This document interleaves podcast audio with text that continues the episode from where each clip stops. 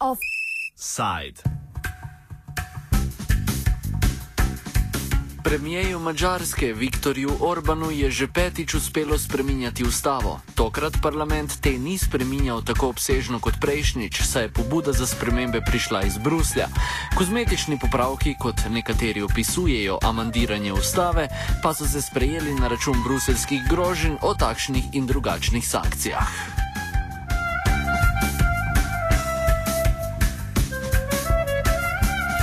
kako potekalo ustrajno spreminjanje mađarske zakonodaje in ustave, strne Lidija Gal iz Human Rights Watch.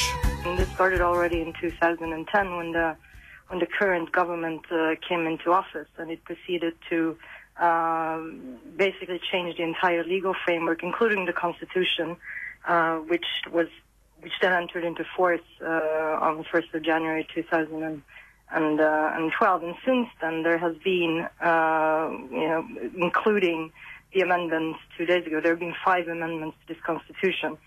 So basically, when um, the when the government in March uh, amended its constitution, that triggered a lot of uh, international uh, criticism, mainly from the Council of Europe and from the EU.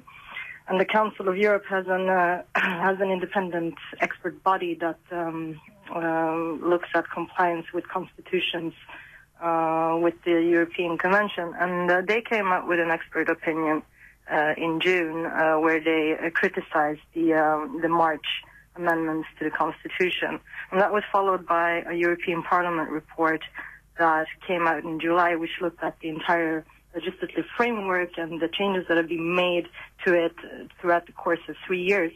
And uh, I mean, that report also highlighted, um, you know, similar concerns and, and other concerns. So you had two European institutions that were quite worried and concerned about these legal developments, and then you have a host of NGOs that were also very concerned about these developments, including Human Rights Watch. And we put out a report on this in May, also going through the um, the entire legal framework and the constitutional changes and the uh, the concerns that we had with them and recommendations uh, to the government. Ali so zakonodajalci ob tokratnem spreminjanju ustave sledili napotkom Bruslja in Beneške komisije? Nadaljuje Lidija.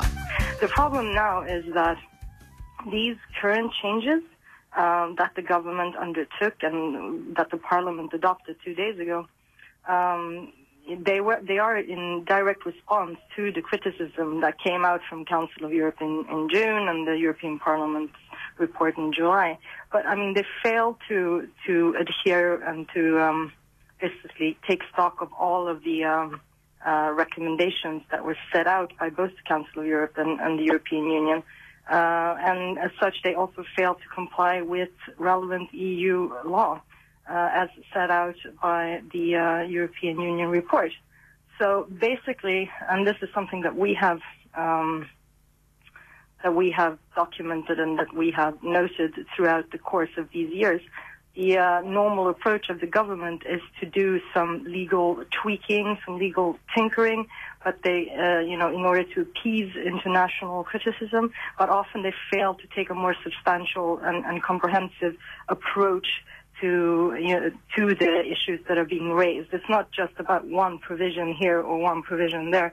It's about the general uh, overhaul of the legal framework, which has been uh, done and, and, and, and, is continuing, um, you know, since the new government came into or, or well came into office. So I think that the fact that you know there were some positive developments, you know, we shouldn't be blinded by the fact that there are numerous concerns that are still there, and, and they haven't been adequately addressed. Nekateri popravki so sledili priporočilom, spet drugi so uzakonili tisto, kar je v nasprotju s tako imenovanimi evropskimi vrednotami. Govori Zabols Hegi iz Združenja za civilne svoboščine. The Hungarian parliament uh, amended uh, the fundamental law uh, for fifth, fifth time. That was the fifth amendment. And uh, its uh, uh, extent uh, was uh, was not so large than the, the, the fourth amendment, the previous amendment to the fundamental law. Uh, this latest amendment uh, covered uh, four subjects. Firstly, uh, it uh, affected uh, the power of the administrative head of the judicial, judiciary on transfer of cases.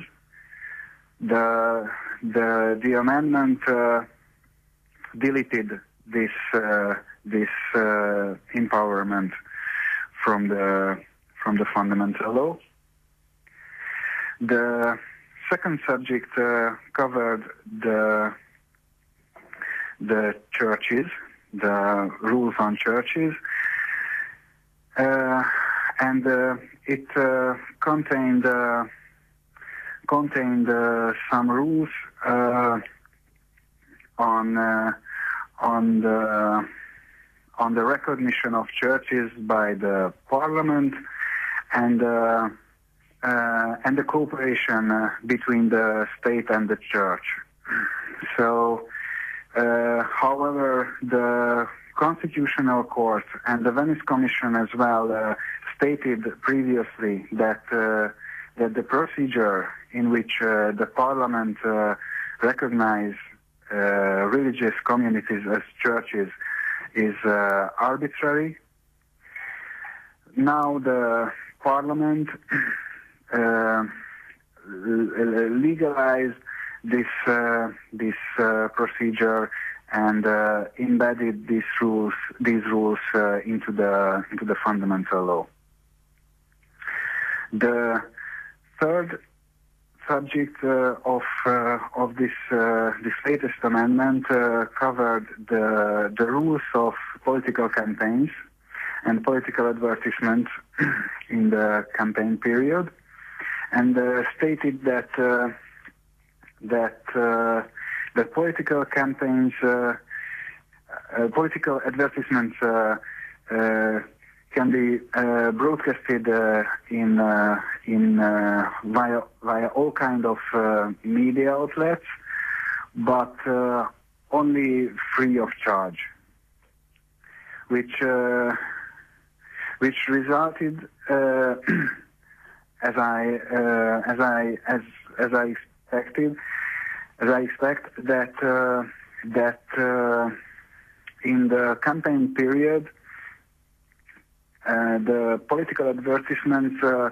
will be broadcasted uh, mainly in in the public service media and and in the in the commercial media more or less extent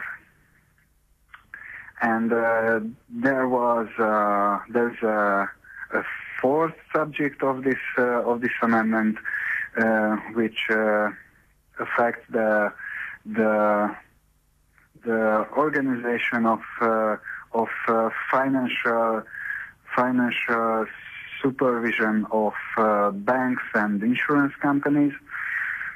this this supervision previously was uh, was made by an independent institution previously, and uh, and uh, since the latest amendment, uh, it uh, belongs to the to the central bank of Hungary.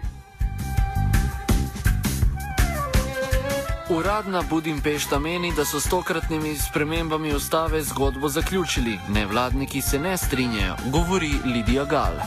The Hungarian government in in uh, in connection to the to the adoption of this particular um, this this last round of changes to the, to the constitution, they actually stated that uh, you know by this by this latest amendment, they're now kind of closing the chapter on you know the discussion on on uh, concerning Hungary's constitution. I mean, they they are of the opinion that they have done what was required by them, and you know, and and this is it. Um, you know, I personally, you know, are aware of the opinion that um, you know it's it's wishful thinking. Um, by the Hungarian government to to to think that the international debate is going is going to die out just because of these uh, these current amendments that have been made that, that fail to actually um, uh, comply with all of the recommendations uh, that have been set out by Council of Europe and the European Union. Uh, so, I mean, you know, uh, Hungary has had numerous chances uh, to cooperate and collaborate and to put its constitution and its entire legal framework into in line with with Council of Europe recommendations and, and EU law, and it has, you know, repeatedly failed to do so. And there is, you know, there is a possibility for European Union institutions to to to act on on uh, on this particular issue, and that's something that we are also um, urging the you know relevant European institutions to do.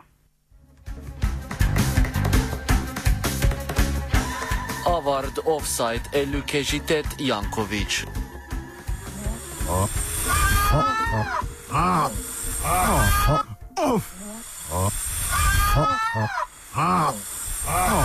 Offside.